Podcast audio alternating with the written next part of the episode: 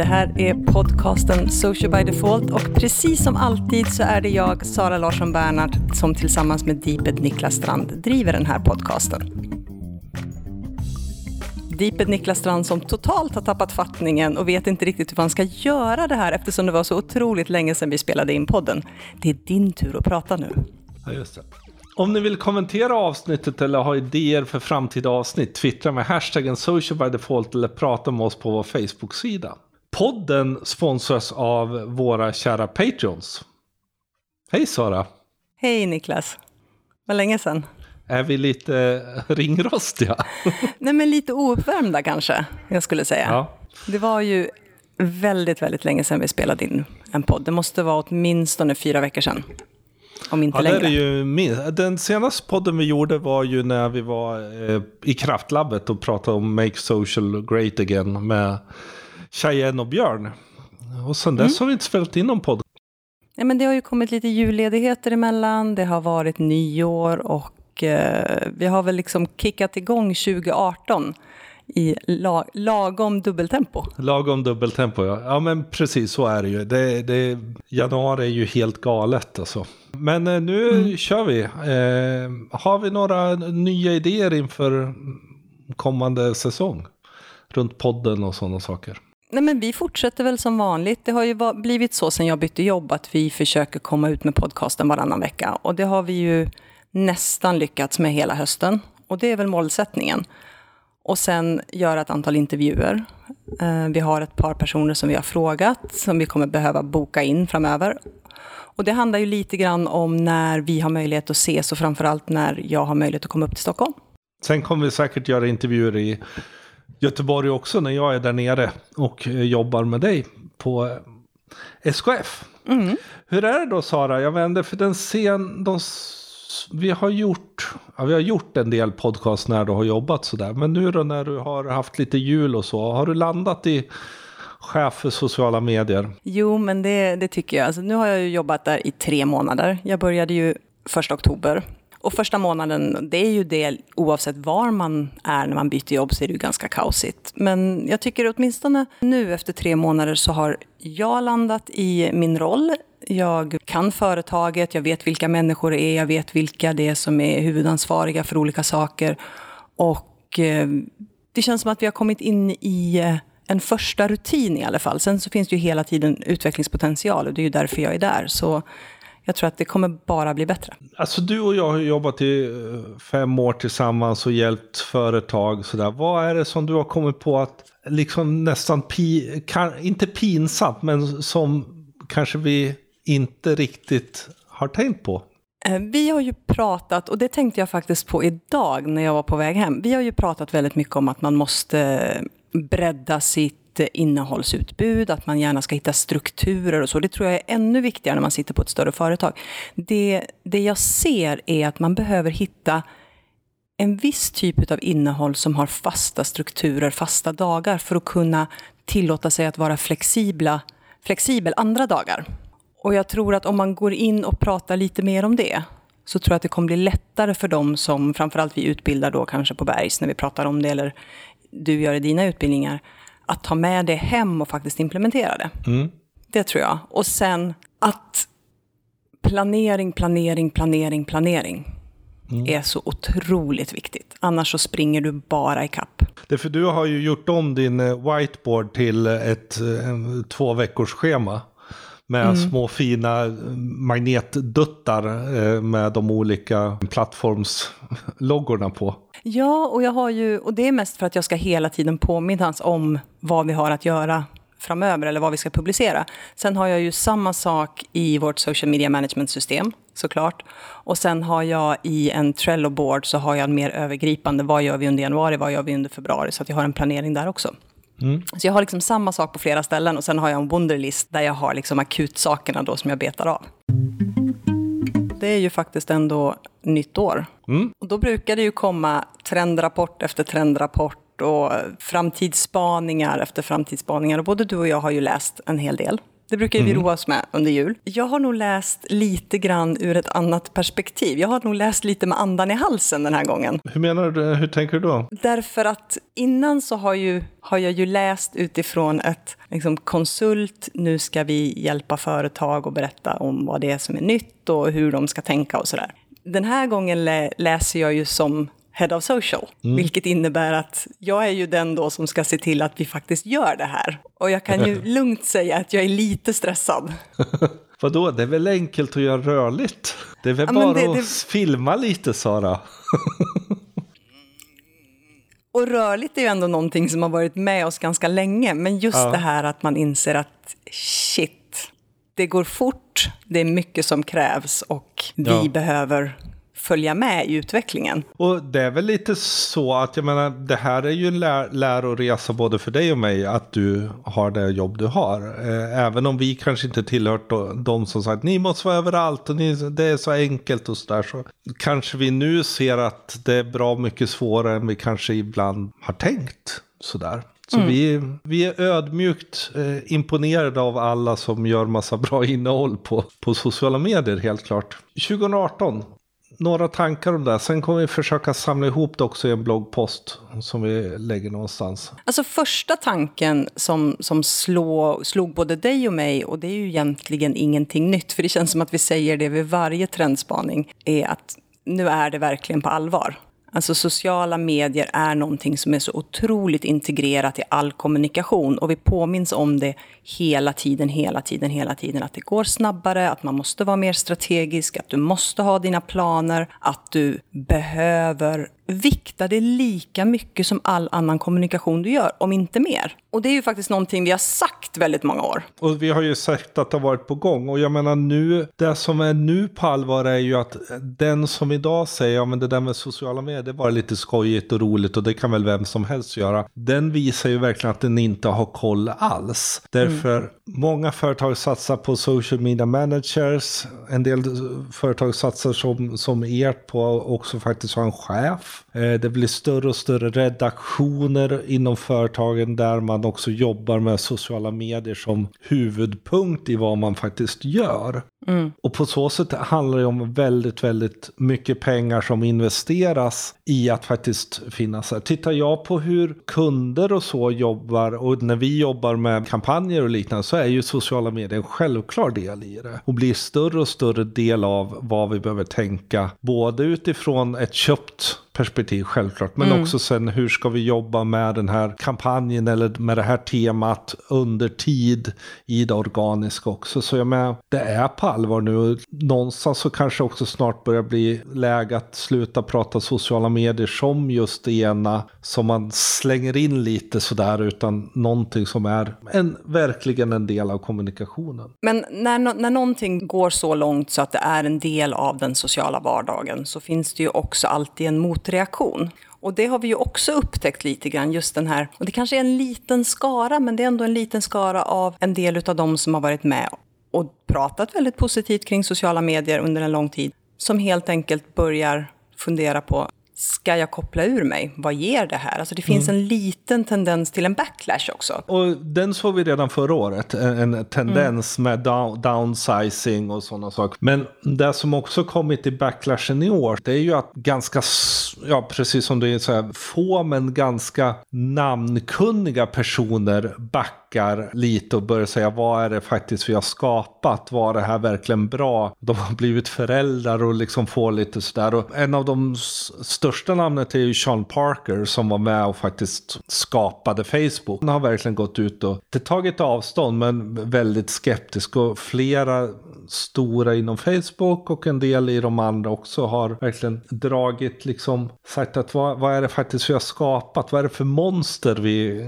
knackade ihop där för 10-15 år sedan. Vad beror det på, tror du? Är det för att vi har sett just hela fake news, hela hatstormar, mycket hårdare klimat? Är det det som har någonstans minskat charmen av det som sociala medier egentligen var till för från början? Att koppla ihop människor oavsett demografier, oavsett var man var, att man hade möjlighet att hitta tillhörighet och grupp grupper och konversera och sådär. Dels där tror jag, och jag tror framför allt för de här mycket också fake news där de någonstans ser att shit vilken makt det faktiskt fanns i det här. Mm. Någonstans styr du sociala medier kan du vinna presidentvalet. Men är det första gången vi ser den negativa, inom citationstecken, backlash? För jag menar, arabiska våren var ju en positiv utveckling av sociala medier. Liksom kraften i det och möjligheten att koppla ihop människor. Vi har haft alldeles nyligen hela metoo som vi har pratat om tidigare som också är en positiv del. Är det, är det så att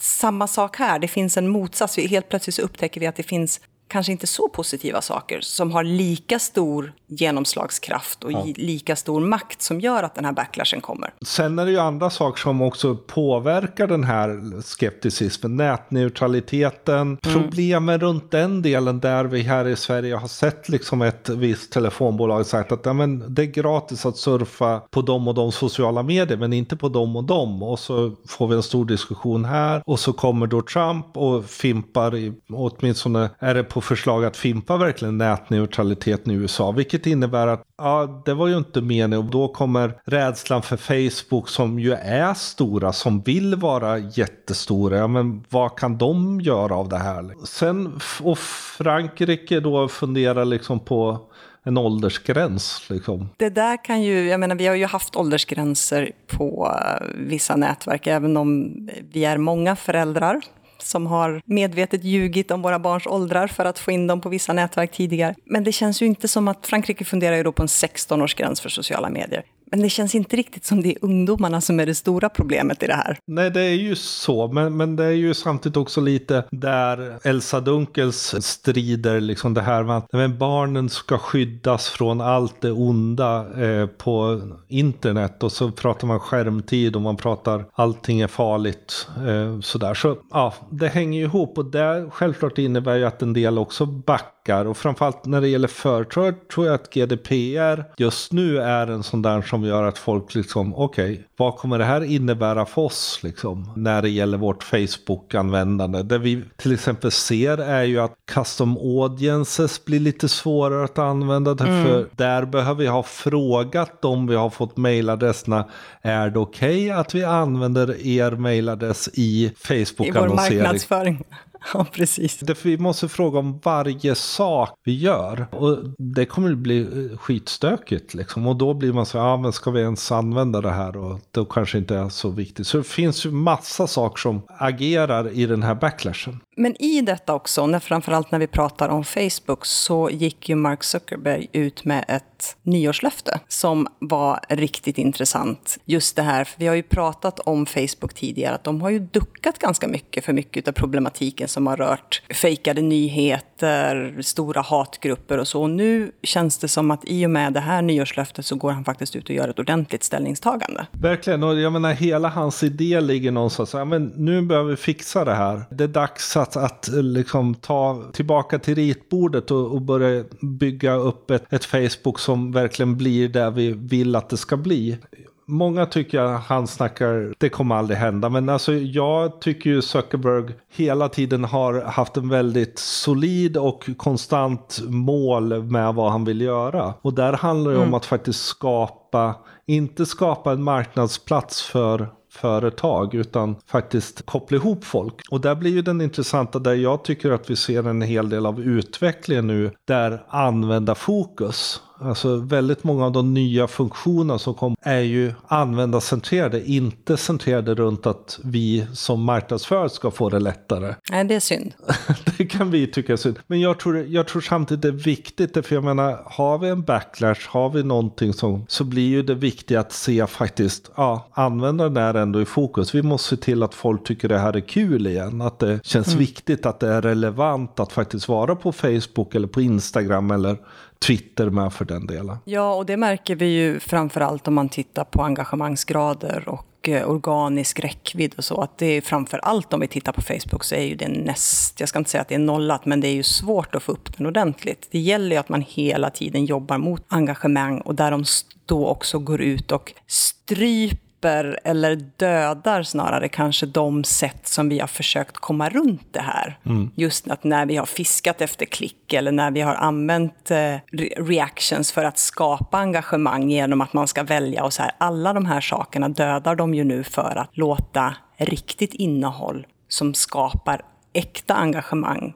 lyftas i kanalerna. Mm. Det, det, finns ju en stor fear, uncertainty and doubt food runt Facebook hela tiden, vilket jag kan tycka är jättekonstigt många gånger. Ja, men det är alltid Facebook som är ont, liksom alla andra kan vara likadana, men det är Facebook som är det elaka. Men jag kan också bli lite irriterad på oss så, så här, oss marknadsför lite så här, ah, vad elaka Facebook, ah, det är så svårt. Ja men hallå, ja, men de gör ju det vi faktiskt måste också tänka på. Vi måste också använda fokus, vi måste också bygga autentiskt material och faktiskt våga vara där och vara, verkligen förstå och skapa innehåll som både väcker intresse, väcker känslor och fyller behov. Nu har vi pratat väldigt mycket Facebook. Eh, men i allt det här under 2018, vad är det som vi ser att vi kommer behöva fundera över strategiskt? Alltså någonting som du och jag har pratat om och som vi märker redan innan jag bytte jobb, men också nu när vi går in och tittar på våra målgrupper och sådär, det är att vi behöver våga separera kanalerna. Vi behöver våga ha en primärmålgrupp och ett primärsyfte med en viss kanal och faktiskt fokusera på den. Vi har varit lite för snälla tror jag att ja, men vi plockar in de här också, vi försöker nå de här också. Och då blir det oftast ointressant. Och det är ju någonting som du och jag har under de, den tiden vi jobbade tillsammans med våra kunder har faktiskt fått stångas med ett antal gånger och säga att nej men nu försöker ni nå alla era målgrupper i alla kanaler. Våga istället säga att den här kanalen är till för den här målgruppen. Mm. Vad är deras behov och hur kan vi stödja upp och hitta innehåll som funkar för den? Vad har vi för målgrupp på den här som är primärt? Sen kan det ju vara så att man har vissa överlappande målgrupper, men då är det sekundärmålgrupper i så fall och inte primärmålgrupper. Så det tror jag är någonting som vi behöver fokusera ännu mer på för att vara relevanta. Jag tror det också. Och jag tror just att, jag menar, det som lätt har blivit har varit, ja men för att man också utgår från att ja, men vi måste bestämma från början att det här kommer fungera. Men vi måste också våga i en strategi våga pröva mer saker. Alltså att, att våga då betta liksom att Instagram, det jobbar vi bara med unga vuxna. Mm. Alla, om vi får andra som följer oss, jättebra, men vad kul. Men det är bara unga vuxna som vi ska. Eller pensionärer. Eller alltså att man, att man mm. liksom väljer en, en, en, någon sorts avgränsad mål. Eller man väljer de som precis har köpt en bil. De ska vi bara jobba med i det här. Och så håller man det och faktiskt ser, funkar det?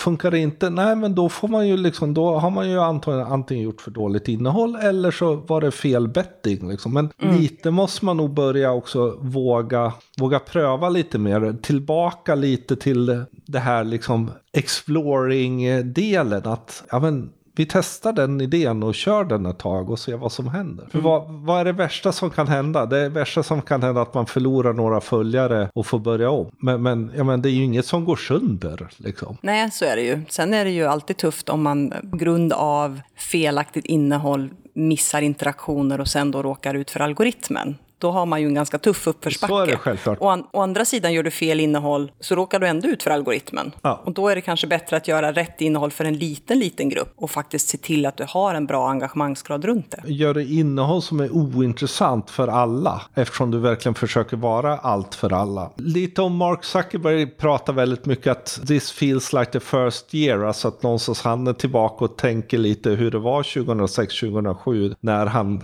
började med det här. Vi kanske behöver också göra det många gånger med sociala medier eftersom det lätt blir att alla gör precis samma sak och ingenting blir nytt eller spännande. Någonting som vi också har pratat om som är någon slags, jag ska inte säga maktskifte, men vi har ju alltid sett, eller Facebook har ju väldigt länge varit den stora huvudkanalen för många. Oavsett vilken bransch, där kanske business to business har legat lite, lite större vikt på, på LinkedIn. Men just om man tittar på generellt influencers, generellt eh, konfektion, mode, träning, alla de här consumer varumärkena så känns det idag som att Instagram har blivit den kanal som är viktigast medan Facebook är en komplementkanal. Och mm. det tycker jag, det skiftet har skett nu i slutet av 2017. Instagram ökar jättemycket, de utvecklas ganska mycket. Samtidigt går de inte för snabbt. Nej. Det finns ett jättesug från, jag gissar, de som säljer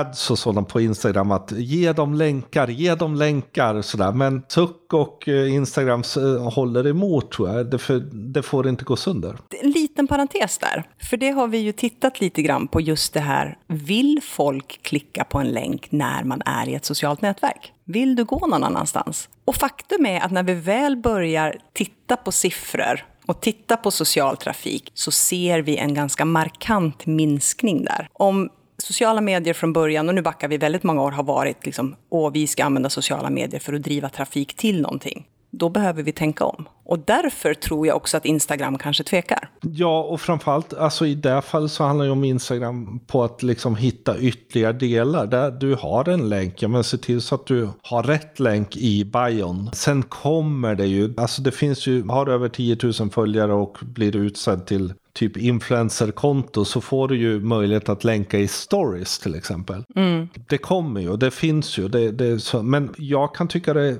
känns positivt att det inte blir så mycket länkar. Det är precis som du säger, att ja, men det här att ja, det ska bygga trafik till oss. Alltså det börjar bli ett riktigt gammalt tänkande. Att vi ska, vi ska utnyttja dem till att få in trafiken på vår hemsida. Där är det på riktigt och där är det viktiga. Det är väl mer intressant att ja, se till till att bygga innehåll på sociala medier och så pass mycket att man har fått någonting. Mm. Att man har fått med sig någonting. Man har fått lite kunskap, man har fått lite inspiration redan där. Sen självklart kan man se till att ha en länk som ger ännu mer, ännu mer fördjupat på en blogg eller nyhet sådär. Men de här one-liner idéerna liksom att en rad som ska få folk att klicka. Men varför ska vi hålla på med sånt? Folk klickar inte så gärna på det. Jag gör inte det. Alex. Väldigt sällan faktiskt. Ha för låg tra social trafik, då funkar inte tanken att det ska driva trafik. Då måste vi göra någonting annat. Mm. Så det tror jag är en väldigt viktig sak i 2018 för oss marknadsförare. Det tror, det tror jag med. Och det är riktigt läskigt faktiskt att lägga upp och inte liksom addera den här länken om ifall att det tar emot. Det blir ju någonstans att men det ska vara så. Då har man gjort ett riktigt jobb. Allt annat blir ärligt. Det är ju där vi måste börja ta oss ifrån. Det är lite så här, slå in ett paket och inte ta med gratulationskortet. Man liksom... Intressant sak som hänger ihop tror jag väldigt mycket med Instagrams ökning är ju att hashtaggen nu i plötsligt har blivit lite sådär intressant igen att fundera mm. över. Det är kul. Jag tycker det är jätteroligt att man kan följa hashtaggar nu. Jag följer i och för sig bara en hashtag, men eh, får upp väldigt många roliga annorlunda grejer. Ja. Men det här gör ju också att vi idag behöver tänka igenom vår hashtag-strategi ännu mer. För mm. nu har verkligen hashtaggen cementerats till att bli någonting väldigt, väldigt, väldigt viktigt. Mm. Och då behöver man sätta sätta ett antal hashtags. Dels de man vill driva själv för att de är varumärkesförknippande eller vad det nu är. Och sen de hashtaggar där man vill synas. Just eftersom man vet att för, äh, eh, folk följer hashtaggar. Jag tänkte på det idag när jag var, eh, gick genom Stockholm. Jag menar hashtaggar på utomhusreklam på all... Plötsligt är den tillbaka. Det blir ju viktigt när man gör sådana saker att faktiskt inse att att det är inte Twitter längre, det är faktiskt Instagram. Och då, kom, då vill man fasen se till att det finns en hashtag som någon kan tänka till om och sen följa. Så ni som lyssnar, eh, er, vi skickar med er en sån här liten försenad julklapp. Titta över hur ni använder era hashtaggar och fundera på om ni har en strategi för det och framför allt om ni är konsekventa. Backa sex månader och titta på alla hashtaggar som ni har använt både på Twitter och på Instagram och ni kommer bli mörkrädda när ni ser att det finns med årtal, utan årtal, med 2000, utan 2000 att man till och med under samma event kanske har skapat olika hashtags. Så ta med er det. Mer saker då Sara. Vi har ju valt att måla eh, året med lite breda penslar. Någonting som jag tycker är intressant. Jag menar 2017 pratade vi ju väldigt, väldigt, väldigt mycket om influencers. Och influencers är fortfarande otroligt viktiga. Det vi har sett och det vi också har pratat om handlar ju om att de som är riktigt, riktigt stora influencers, visst, de får en bra räckvidd, men de har ett mindre engagemang och kanske någonstans en lägre trovärdighet idag än vad mindre influencers är. Det som jag tror blir viktigt för företag, för att någonstans ha kvar trovärdigheten, det handlar om att lyfta väldigt många av de interna ambassadörerna och experterna också. Oavsett om du arbetar inom business to business eller business to consumer så handlar det om att faktiskt börja se de egna anställda som väldigt, väldigt viktiga tillgångar för att kunna skapa trovärdighet och sprida ett varumärke. Verkligen titta på de små och där ser vi ganska mycket just runt mikroinfluencer. Där det slutar vara så mycket bass att, att jobba med influencer utan man börjar tänka till liksom. Ja men behöver vi en stor eller behöver vi många små? Men å andra sidan så har vi ju då som du var inne på de riktigt stora. Det som vi nu börjar prata om ett influencer-rati. Alltså att ett någon sorts krä, verkligen crème de la crème över. Och de är ju intressanta att följa. Därför om de tar en produkt så kommer väldigt många fler börja pra vilja, vilja prata om den, göra filmer, ha med den i... De influerar de mindre influenserna. Det är ju det som är viktigt. Väldigt vanligt på YouTube, att man ser att någon börjar prata om en viss kamera eller en viss sak. Och då, börjar, då är det plötsligt bara sådana filmer i då vissa av de kretsarna som man till slut faktiskt är trött på det. Och det är ju en typisk sån där att, att man följer lite John liksom för att man vet också att många kommer vara intresserade av det här. Ja, men då vill man göra en film för att få tittare och därmed få pengar, pengarna in då. Den är ju väldigt viktig att se. Så vi, vi har ju liksom plötsligt fått ännu mer fingranulerade nivåer i influencer-delen. Men också viktigt att då välja rätt. Att man tittar på, ja men vi tittar på en influencer. Ja men är det en influencer som har kanske många följare men samtidigt har en väldigt hög trovärdighet. En hög, så att man kan relatera till. Eller är det en influencer som bara har räckvidd och så kommer man driva räckvidd. Och... Men kombinerat med det här då. För jag menar influencers är ju ändå någonting oavsett vilken nivå på influencers vi jobbar med som vi behöver jobba med 2018. En annan del som också hör ihop. För jag menar influencers är ju trots allt köpta samarbeten mm. och det ska annonsmärkas. Någonting annat som vi också behöver tänka väldigt mycket mer strategiskt kring är ju just köpt synlighet. Att faktiskt se till att vi jobbar med att boosta och sponsra upp innehåll, både på en kanske bredare basis, men framför allt att börja intressesponsra på intresse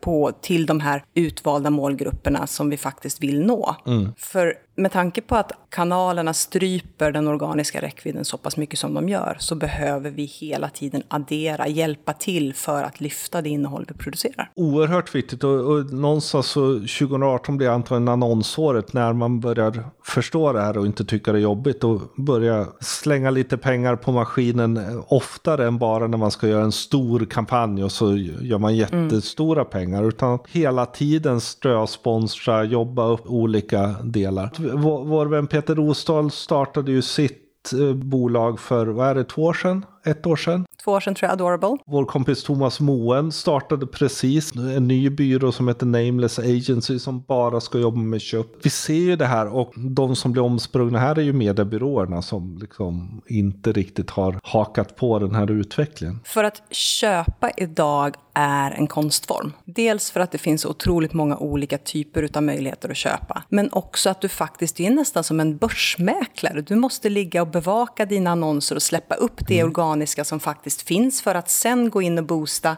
för att inte köpa även den organiska mm. räckvidden. Och här ligga och liksom bevaka. Och för en, är du inte proffs på det så missar du ganska mycket. En del. Samtidigt måste vi ju se att jag menar, det vardagliga köpandet måste vi kunna alltså, som företag. Det, det, det behöver man, man, jobba med. Medan de större delarna, de, de längre kampanjerna, specialgrejerna behöver man ta hjälp för. Därför det finns så många fantastiska möjligheter möjligheter i det. Så... Och sen kan vi inte gå in i 2018 utan att prata social video. Nej, det går inte. För rörligt, rörligt, rörligt och ännu mer rörligt, det är ju någonstans nyckeln nyckeln nu till i stort sett det vi ska göra. Oavsett om vi använder live eller använder stories så behöver vi se till att vi vågar arbeta med rörligt och göra det på rätt sätt. Och just göra det på rätt sätt och använda de olika formaten i rätt tidpunkt oerhört viktigt. Därför det som händer nu och som ju kommer innebära en, en jättestor utmaning både för oss som marknadsförare men också för traditionell tv. Det är att YouTube, förutom att vara då störst just nu och fortsätta att jobba med sina creators och så driver ju YouTube Red numera. Du kan se film på YouTube, du kan köpa film på YouTube, du kan sådär. Så de har ju plötsligt blivit utmanade till Netflix och vilken tv-kanal som helst och gör då eget material som de släpper. Sig. Samt blir de jätteutmanade nu av Facebook som släpper mm. sin Watch som helt enkelt är en re, ren och skär nu tänker vi ta en fight mot YouTube. Där de då skriver avtal med massa olika, självklart, eh, innehållsskapare. Men också skriver innehåll med Sony och eh, musikbolag. Som gör att du kan använda cool musik som på YouTube är förbjuden att använda. Men mm. på Facebook så har, har du tillåtelse eftersom Facebook har skrivit ett avtal. Vilket ju blir en rejäl game changer. Så social video behöver vi jobba med, så, men det, vi kommer också se som det kommer vara ett slagfält under kommande året. Det jag känner, och det har vi ju pratat om tidigare, och vi pratade om det även när vi var med Björn och Cheyenne, är ju vem ska ha tid att titta på allt detta rörliga material? För Nej, det kräver och... ju ändå att man sätter sig och tittar. Läsa kan man ju ändå hoppa ganska mycket i texten. Tittar du på bilder så är det liksom ganska lätt att bara fortsätta snurra. Video kräver ju ändå att du är med från A till åtminstone där du hoppar av. Den stora förloraren i det här kommer vara traditionell linjär tv. Vanliga mm. tv-bolag kommer få svårt att hänga med i den här. Och sen är det självklart att jag menar, det är en del kommer tittas mycket, en del kommer tittas väldigt lite. Vi kommer ha en long tail i det. Men också som marknadsför blir det ju viktigt att faktiskt ha den insikten och ödmjukheten. att okej, okay, vi, vi behöver göra rörlig video. Men vi kommer inte vara de som alla vill titta på. Utan vi behöver göra film så att det inte är tre minuter jättelång film som ingen tittar på. Utan gör de korta snackbites, se till att koppla ihop dem med andra format, se till att det finns att läsa vidare efter. Att man, att man jobbar liksom med, med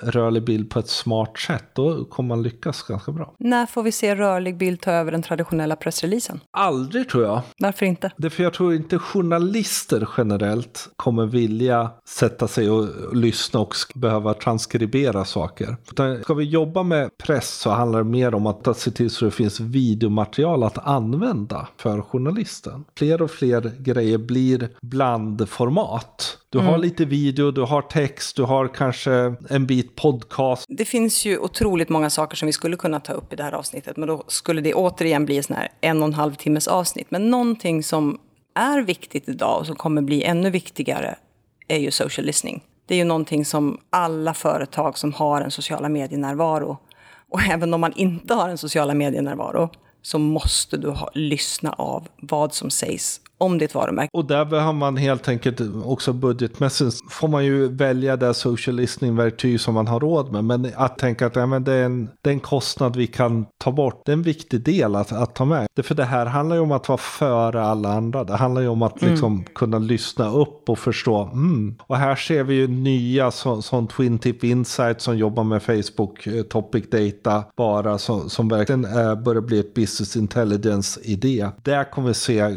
kanske inte nästa år, men, men mycket utveckling på social listening. Och sen ett, ett perspektiv som vi egentligen skulle kunna ställa en fråga rakt ut för alla de som jobbar med HR. Hur många är det som är inne på Glassdoor?